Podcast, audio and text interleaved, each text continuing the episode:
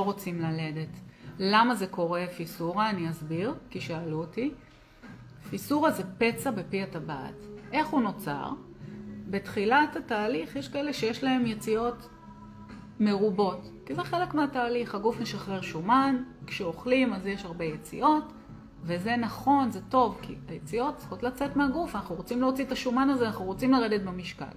אז ריבוי יציאות זה ברכה, זה בסדר, אם אתם יכולים להרשות לעצמכם להיות קרוב לשירותים בחודש הראשון ולהשלים עם היציאות האלה, זה נהדר. אבל, מה קורה? אנחנו מנגבים הרבה את המקום עם נייר טואלט, אפילו שיהיה מאוד מאוד איכותי, כל ניגוב כזה יוצר שריטה מיקרוסקופית על פי הטבעת. וסליחה שאני נכנסת לפרטים כאלה גרפיים.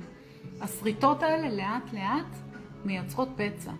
עכשיו, לפצע הזה נכנסים מיצי המרה שמופרשים לנו מהקיבה, מהמערכת שלנו, ולפעמים מופרשים נטו, כי אנחנו לא אוכלים.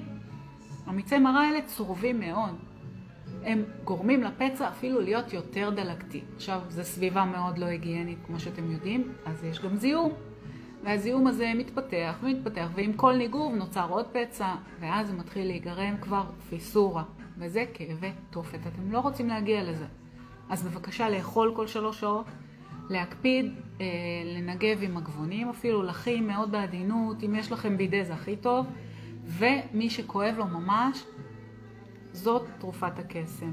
לפני כל המשחות, לפני שתגיעו למצב קטסטרופלי של פיסורה כואבת ואשפוז אפילו בבית חולים, אני יודעת שהיה מישהו מהקבוצה שהגיע לבית חולים החוד... השבוע, תשתמשו בברסקין, להשפריץ על, על המקום, אפילו לקחת ריבוע נייר טואלט, להספיג אותו ולהצמיד למקום.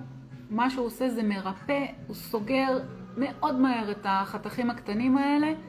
אה, מחטא אותם ולא נותן לחיידקים להתפתח שם. פשוט השמנים הרפואיים והוויטמינים סוגרים את המקום, לא נותנים לזה להתפתח לפצע גדול וכואב.